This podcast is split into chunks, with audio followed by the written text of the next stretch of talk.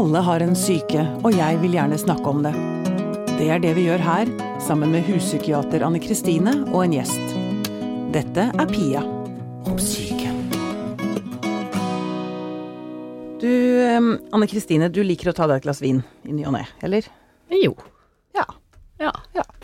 Jeg òg gjør det. Um, og jeg må tilstå at det har vært ganger opp gjennom livet, kanskje spesielt i den perioden hvor jeg jobba i reklamebransjen, hvor jeg lurte på om dette holdt på å skli utfor. Fordi jeg syns det, det var mye alkohol i perioder. Um, og vi skal komme litt tilbake til det etterpå, når det virkelig er faresignaler. Uh, men først så må vi eh, ønske velkommen til gjesten vår i dag, Julie Winge. Velkommen hit. Tusen takk skal du ha. Du skrev et veldig sterkt blogginnlegg i KK Ja. med overskriften 'Jeg er alkoholiker'. ja.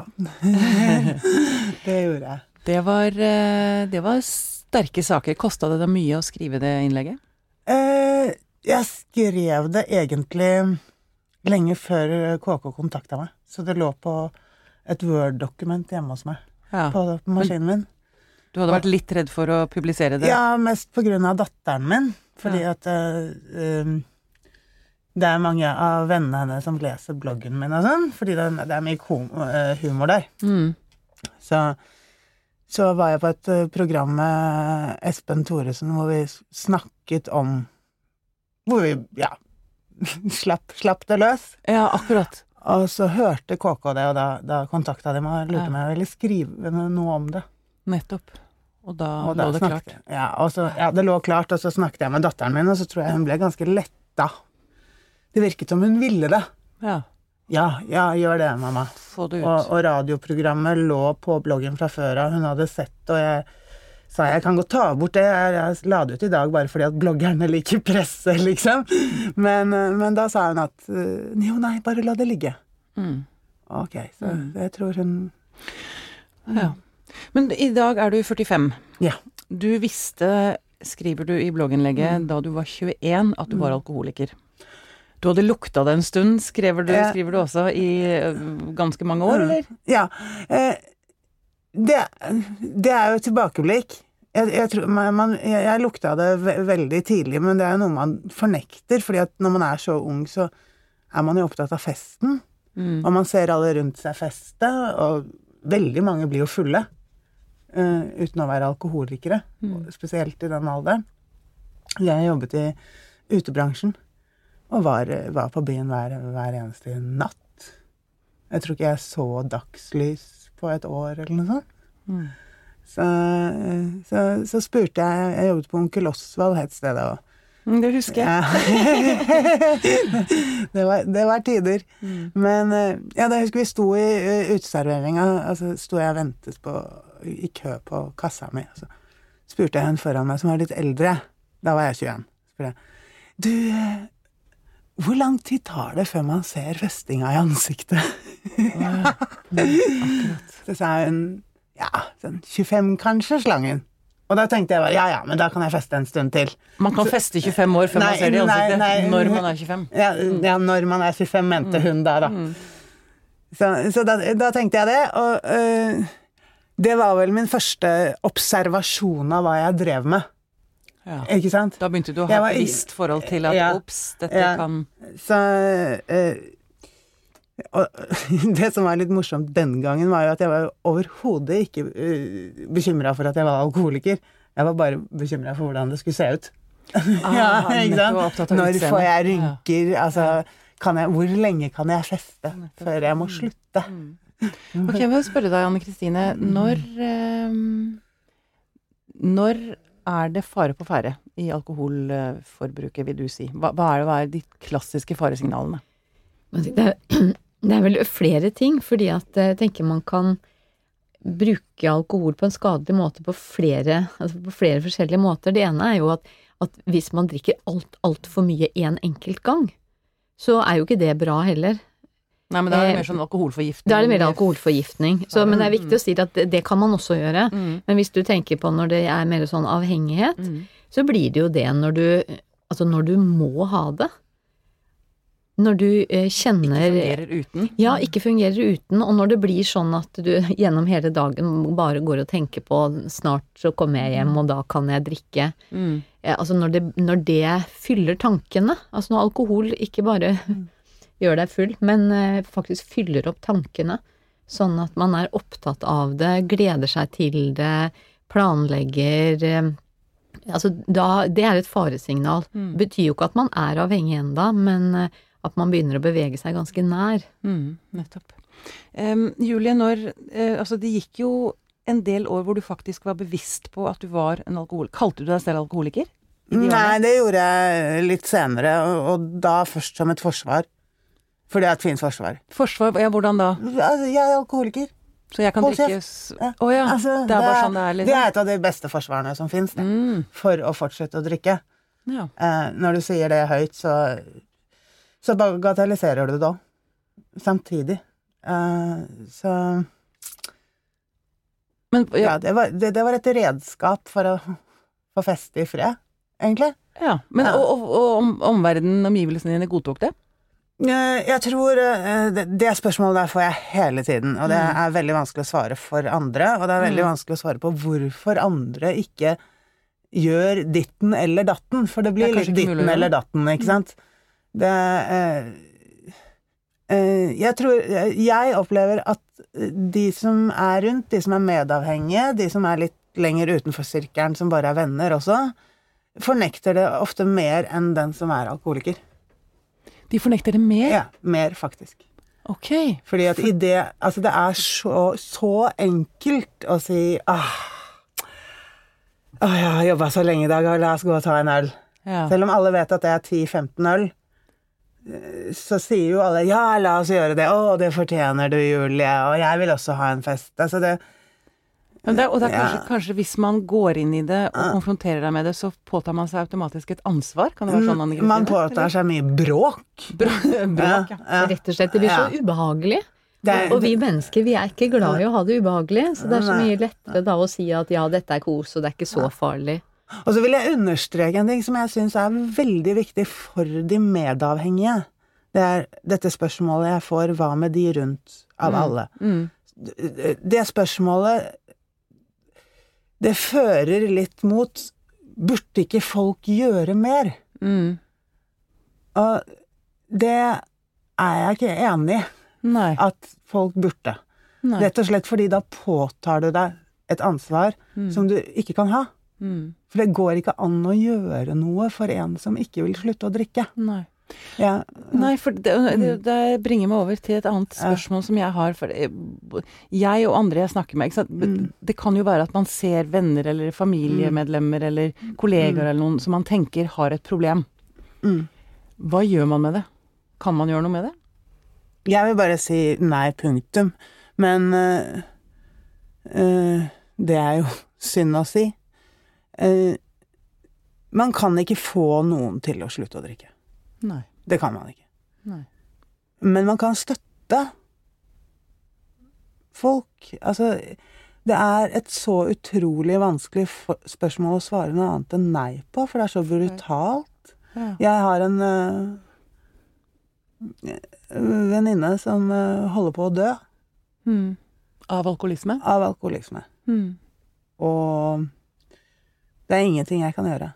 Ingenting. Jeg går på polet for henne noen ganger nå. Også. Selv du som har vært gjennom det. For jeg vet at jeg ikke kan gjøre noe, og jeg vet at at øh, de gangene hun ikke klarer å gå selv, så finnes det ingen annen hjelp enn at jeg går for henne. Mm. Hm. Jeg kan ta fra henne alkoholen også den dagen, men det hjelper ikke en meter. Nei. Ikke sant? Nei. Fag, Fagpersonperspektiv, please. Ja, jeg er veldig enig i det du sier, Julie, om at det er ingen som kan overta ansvaret for et annet menneskes liv. Mm. Men hvis vi tenker Hvis man er bekymra, sånn som du sa, Pia, hvis man er bekymra for noen, Mm. og ser at de drikker mer enn man tenker er lurt, Mm. så er det jo lov å, å bry seg. Altså, det Mm. er lov å si det at vet du hva, jeg, jeg kjenner at jeg blir bekymra for deg. Ja, Også, hvordan ville du takla det? Eh, Med å avfeie det, men det, det, det var jo det jeg prøvde å komme litt inn på i sted. Det, det er veldig riktig. Altså, du kan ikke hjelpe en med å slutte å drikke, men du kan støtte. Ja, du kan vise kjærlighet. Du kan for, Fordi at det er ingen jeg, jeg, vil ikke snakke om alle, jeg vil snakke om meg selv. Det er, det er ingen som kan få meg til å tro at jeg er verken pen, vakker eller er verdt noe innvendig eh, på noen som helst slags måte. Men allikevel så gjør det ikke noe å få høre det. Ikke sant? Nettopp. Så, Det er ja. eh, god, god parallell. Mm. Når du sier det, tenker du at det er, er noe av grunnen til at du utviklet alkoholisme? Mangel på selvverd? Ja. Ba, ja. Jeg, jeg driver og går tilbake nå eh, helt til starten av livet. Fordi jeg skriver om det.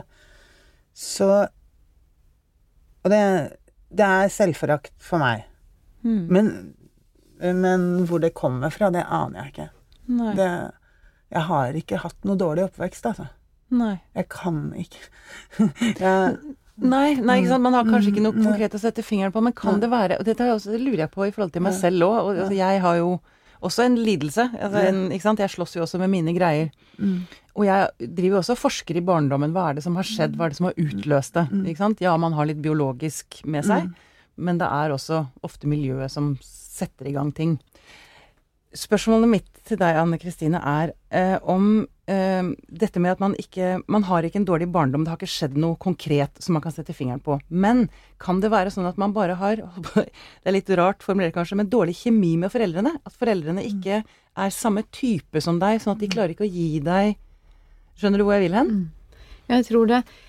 Ja, det som er viktig å vite, det er at man behøver ikke å ha vært utsatt for én traumatisk hendelse eller én veldig dramatisk ting. Det holder at det er si, smågnag i hverdagen Ja. over lang tid. Vi er forskjellige, sånn at eh, Sånn at det er vanskelig å si hva Altså, noen responderer sånn på det, og noen responderer sånn på det. Eh, Så det er klart at det har jo med kjemi Det handler om hva slags personlighet er man sjøl. Mm. Eh, Hva er foreldrene? Hvordan interagerer man eh, med hverandre? Altså hvordan responderer man på hverandre? Har jo mye å si. Men det viser seg når man har altså forska på det nå, at for eksempel, la oss ta jenter, da. Det kan være like belastende for en ung jente å få høre sånn åh, sukk og stønn, og du er jammen ikke smart, og du er dum, og litt sånn sånne ting. Hvis man får høre det jevnlig, så kan det være like skadelig for den psykiske helsa som å bli utsatt for et overgrep. Nettopp. Men du driver og forsker i det nå, Julie? ja, jeg har nettopp begynt, Ja. begynt på det, så jeg har ikke noen svar på det enda. Nei. Eh, muligens kanskje fordi jeg er litt redd for svarene. Ja. Hvem vet? ja. Mm. Men jeg, jeg tenkte kanskje, eller min, min tanke da, du har jo vokst opp med to kunstnerforeldre. Mm. Og hva, ikke sant, hvis du da er en matematiker, egentlig, Ja, ja, hvis du skjønner hva jeg ja, mener, i huet, at, at det plutselig krasjer, da. Uten at dine foreldre har Jeg tenker jo at ingen Mm. foreldre går jo inn for å skade sine Mm, barn, mm. men man gjør det uforvarende. Ja, og når vi vet hva barn trenger, så er jo det foreldre eller voksne, trygge personer som er til stede både mentalt og fysisk. Mm. Og så er barn helt avhengig av å bli speila tilbake. Og det betyr at de voksne må være der på barnas premisser. Så man behøver ikke å snakke omsorgssvikt eller sånne ting mm. for at, eh, at ikke barn får det de trenger. Altså hvis foreldrene er eh, altfor opptatt altså Vi er jo bekymra nå for alle disse småbarnsmødrene som går rundt og kikker i mobiltelefonen istedenfor å se på barnet sitt som ligger i vogna. Ja. Så, så altså, det er jo sånne ting det handler om, at du må se barnet ditt inn i øynene og se at du Og vise at du skjønner hva slags eh, følelse barnet har. Hvis barnet er trist, så må du bli bekymra i ansiktet. Hvis barnet er glad, så må du smile tilbake. Ja, og sånn lærer barn. Du må speile. Og det må barn ha for å, for å få den si, robustheten og, og fleksibiliteten som man trenger for å ha et godt liv. Em, ja. Eh, Det kan jeg Det kan jeg se. um, Julie, i dine år da som alkoholiker, så skrev du også i blogginnlegget ditt at det var mye eh, skam og mye selvforakt og mye angst. Um, kan du beskrive de årene at dine Du har vært på mange mørke steder i Ja. ditt unge liv. Ja. Mange mørke steder eh, som eh, er tildekket av festing. Ja. Fordi det er det jeg var opptatt av. Mm. Mm, Festing, festing, festing. Selv eh, da det gikk over, og jeg satt hjemme og drakk etter at barna hadde lagt seg om kvelden, Mm. så skulle det være kos Ja. he hele tiden. Ikke sant? Så det, eh, og jeg har vel eh, alle de Jeg har alltid våkna med angst. Alltid. Alltid. Helt siden første gangen, da jeg var 13. Ja. Så, og, Da du drakk første gang. Ja. Mm. Så, så det har vel med Altså, jeg er en ganske utagerende person. Mm. Så, så jeg fikk angst i begynnelsen for 'Å, gud, hva sa jeg i går?' og sånne vanlige ting som det. Uh, og så er jeg veldig, veldig rosa, tror jeg. Rosa. Rosa. Veldig, veldig romantisk. Ja. Så da jeg var liten, så jeg, jeg skulle, skulle bli blomsterpike når jeg ble stor. Mm. Og ikke en sånn som jobber i blomsterbutikk, men en sånn som plukker de.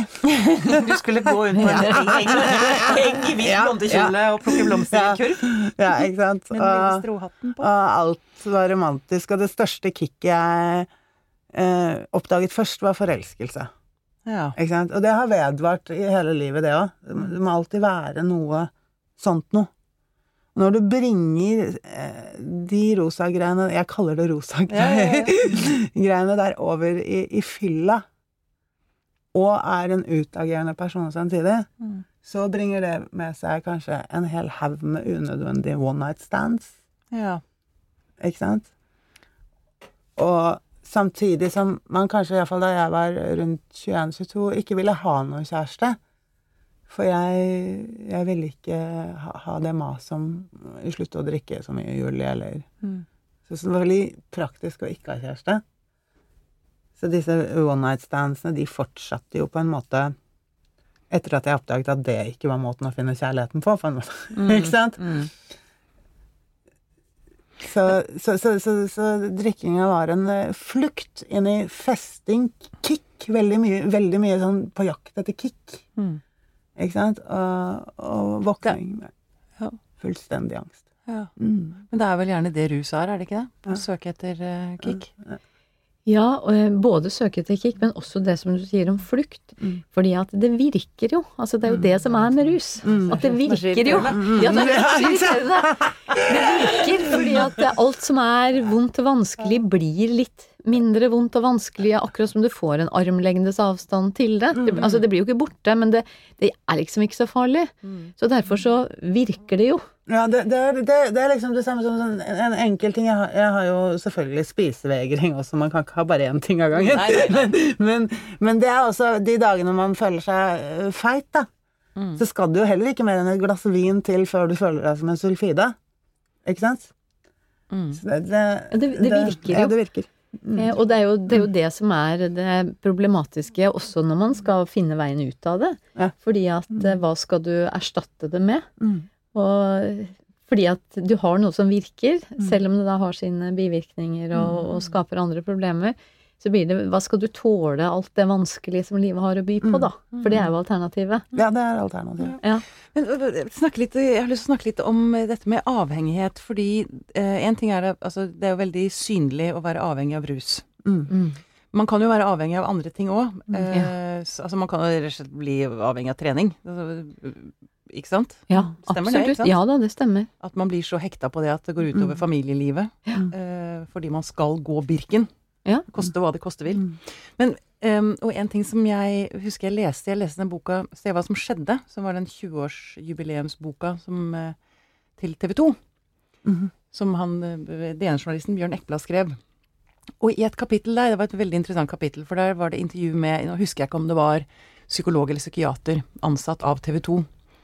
Em, uh, og hun sa det at hun mente at det var den aller verste avhengigheten. Det å være kjent. Det å få Mm. oppmerksomhet. Mm. Og slutte med det, det var noe av det verste man kunne Altså det var nesten bare en heroin. Mm. Ja. Det er ganske altså, Oppmerksomhetsjaget. Og det tenker jeg det er en sykdom jeg kan se rundt meg ganske mye i dag. Er dere, er Ja, dere ja, ja, jeg er veldig enig. Ja. Det er utrolig oppmerksomhetshungrige mennesker. ja. Ja. Og, og lettere å komme til, kanskje, enn det var før òg. Ikke sant? Så- Det derre jaget Ja, etter likes på Facebook og sånn. Mm, Ja. For det handler jo om det samme, det der å, å skaffe seg et slags påfyll mm, av noe. Mm. Så søk etter bekreftelse. Du trenger Du, du trenger det for å, å føle deg fylt opp og for å ha det bra. Og nettopp derfor tilbake til det vi snakket om i begynnelsen, at selv om det ikke går an å hjelpe noen å slutte å drikke, så går det an å støtte. Fordi at Ja. vi vil alle ha likes. Også, og det kan Ja. Jeg bare kom på det. Unnskyld. Nei, nei, men det er, det det er helt Mm, riktig, og, og det viser seg jo det at eh, en del eh, rusmidler, de går jo rett i belønningssenteret i hjernen. mm. Sånn at hvis du ikke da har omsorg fra omgivelsene, så kan du erstatte den samme gode følelsen inni deg ved å tilføre rusmidler. Mm. Fordi hjernen, hjernen er blind. Mm. Så hjernen ser jo ikke forskjell på om du stapper i deg Nei. rusmidler, eller om det kommer noen og gir deg en klem. Fordi Det- de stoffene som utløses i hjernen, er jo de samme, så da har du det bra. Det, det lærte jeg også på Trasopp da jeg var innlagt, som er veldig uh, viktig å skjønne. Det, er- det er veldig mange som lurer seg selv der, og det er at det, dette belønningssenteret, som du sier, det er blindt for hva du får. Så for eksempel, jeg liker alkohol. Mm. Jeg er kjempeglad for at jeg ikke liker heroin, Ja. fordi eh, da hadde det vært det. Ikke sant? Jeg har vært borti kokain og sånn, og syntes det var kjempegøy, men det betyr ingenting for meg, så det ble ikke så mye av. Mm. Men hvis jeg nå begynner å røyke litt hasj Mm. For det er helt ærlig talt ikke noe problem for meg. Eh, Det har, liksom det har ikke noe med meg å gjøre. Mm. Så jeg kan godt røyke litt hasj, selv om det er å banne i kjerka, for å få sove. Mm. Belønningssenteret opplever bare at det får rus. Mm. Ikke sant? Så om det er rød, belønningssenteret for rødvin eller hasj eller heroin, Mm. så opplever belønningssenteret akkurat det samme. Mm. Den som ikke opplever det samme, det er Julie. Mm. Så hvis jeg røyker hasj, så ruser jeg meg på noe jeg ikke foretrekker. Så hvis jeg gjør det over tid, så vil Julie sin vilje ta over og gi belønningssenteret den typen rus eller Julie vil ha. Ja, men du sier at du vil venne deg til hasjen. Nei, jeg Nei. sier at jeg vil gå over til Jeg foretrekker, akkurat som du foretrekker, Du gå til sjokolade fremfor potetgull. Hvis du, hvis du Da visste du det? ja. Hvis du da bestemmer deg for å spise potetgull en stund, Mm. så, så vil du etter hvert tenke Yes, den slankinga gikk ikke allikevel, jeg kan godt spise Jeg kan gå sjokolade. tilbake til Yes, ah, Så hvis du sant? fortsetter å røyke hasj, så vil du Så gå vil jeg gå tilbake tilbake til rødvin. Nei, ja, jeg, Ja, ja, ja, Mm. til alkohol. Mm. Og da er vi like langt. Og det er veldig mange som gjør det, som ruser seg på andre ting. Tenker at alkohol ja, det, er, Den som er farlig, det, er, ikke- det er ikke farlig. Ja. Altså, folk som ruser seg på droger, Mm. eh, trøster seg med en øl en gang iblant. Mm. Og da går det beine veien til H. Mm. Ja. Du, du nikker, Anne Kristine? Ja, og jeg har jo hørt eh, Rita Nilsen på Retretten. Ja. Hun har jo et eh, veldig Hun har mange fine foredrag, men hun sier jo blant annet eh, det Forteller en sånn historie om hvor håpløst hun syns det var når de fikk alkoholkvoter når de var på avrusning for eh, tyngre stoffer. Mm. Åh, Fordi at man da hadde en slags tanke om at det var bedre å få folk over på noe annet. Men hun sa at det, det er ikke veien å gå. nei, Nei. Men det har man vel kanskje lært etter hvert, da. Det har man lært eh, litt mer om etter hvert, men allikevel så, så er det et stykke vei å gå før det er sånn allmennkunnskap. Det, det, det minner meg litt om, eh, om barnefaren min, eller faren til barna mine, Mm.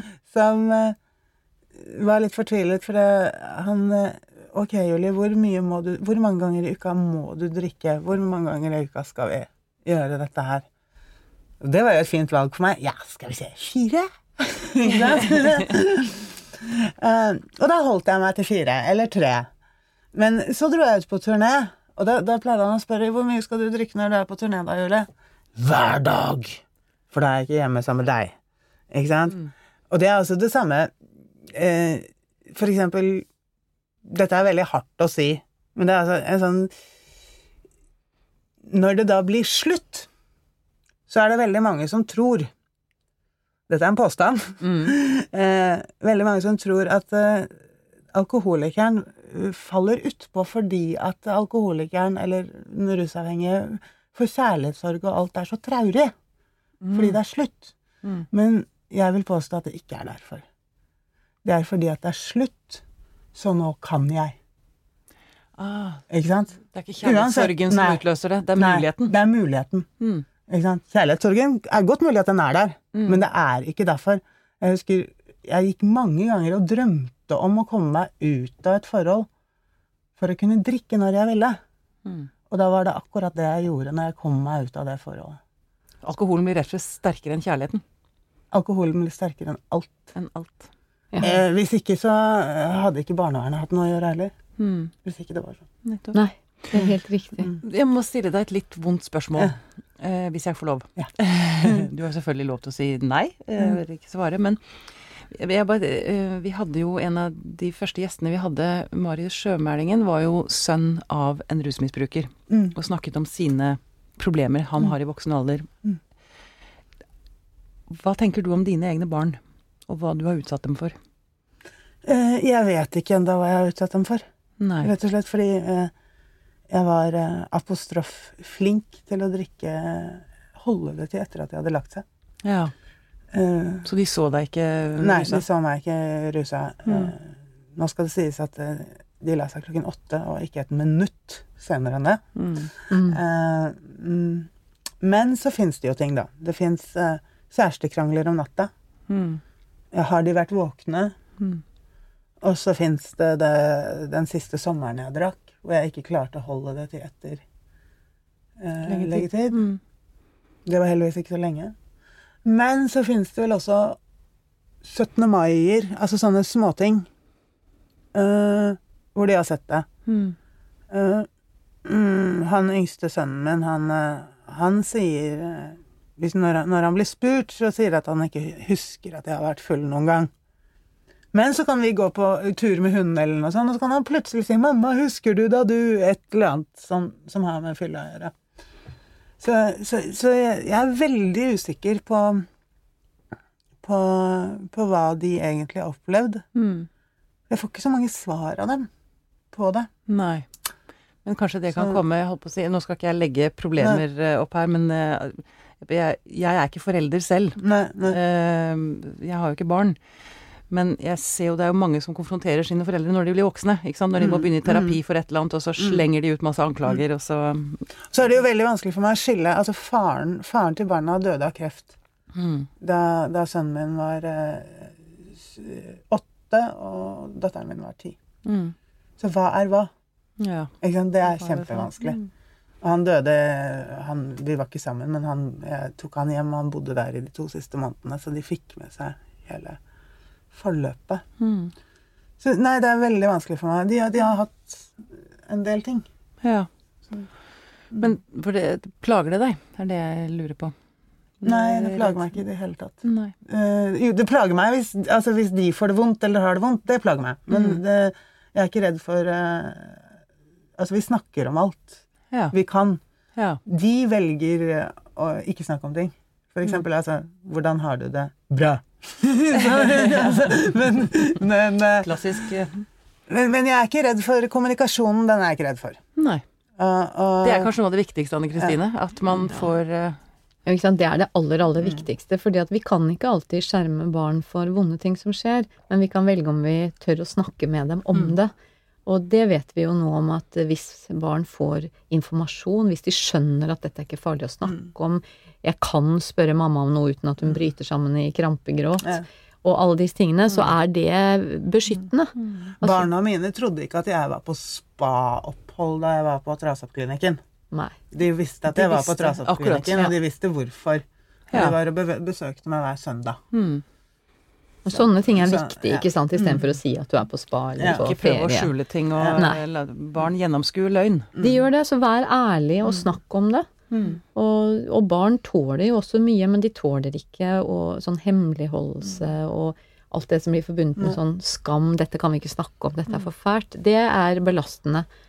Men eh, når man kan snakke om det og gi informasjon og fortelle og forklare, sånn at de skjønner at altså, dette, dette går det an å snakke om. Ja. Ja.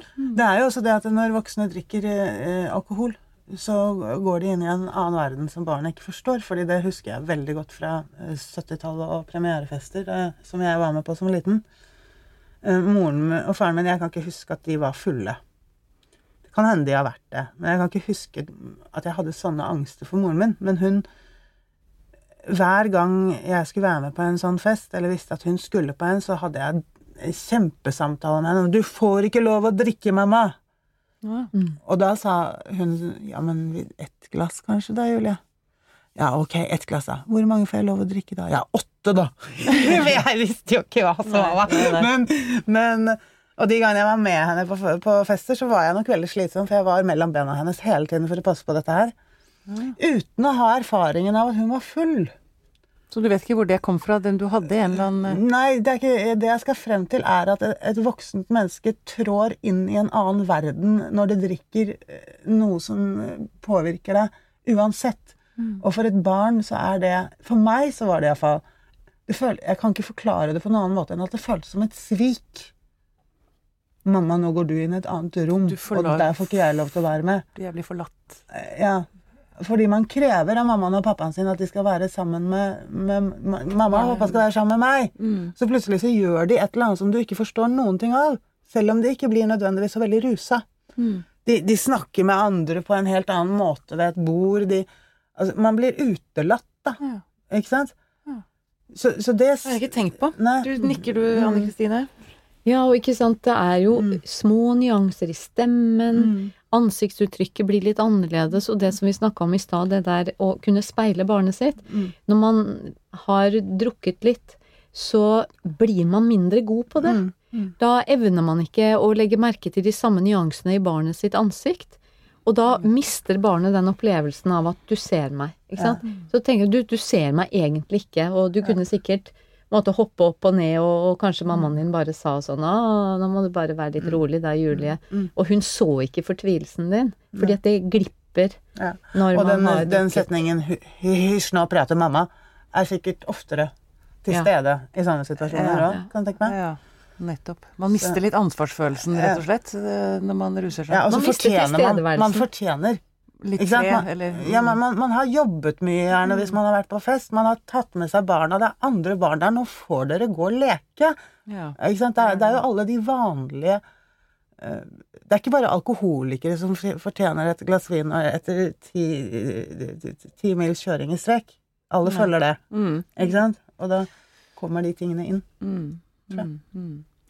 Du, um, Julie, som vi snakket om i sted, du har jo vært på en god del mørke steder Mm. eh, opp gjennom livet ditt.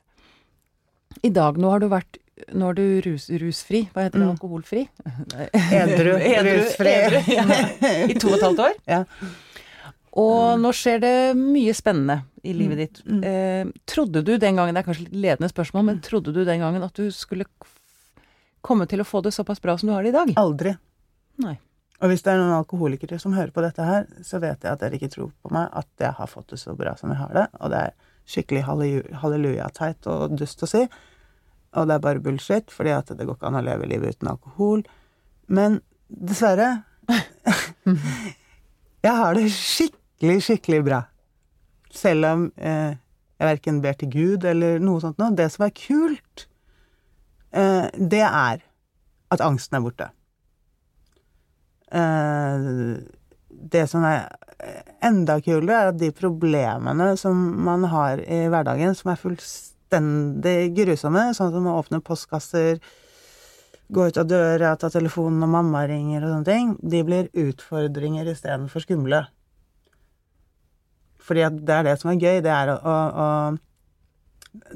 Det at man plutselig tør å gjøre alt dette her uten å ha et snev av angst, det er en egen tripp. Det er mye gøyere enn og det, det, det er skikkelig gøy. Jeg, jeg syns problemer nå er litt spennende. Jeg syns det er gøy å få inkassor, for jeg tør å åpne dem. Ja, å løse problemet istedenfor å løpe fra det. Mm. Mm. Kult. Så, Så kult. Det er mange måter å trippe på. Ja, ja ikke sant? Man må begynne å se etter de andre trippene. ja, det er det.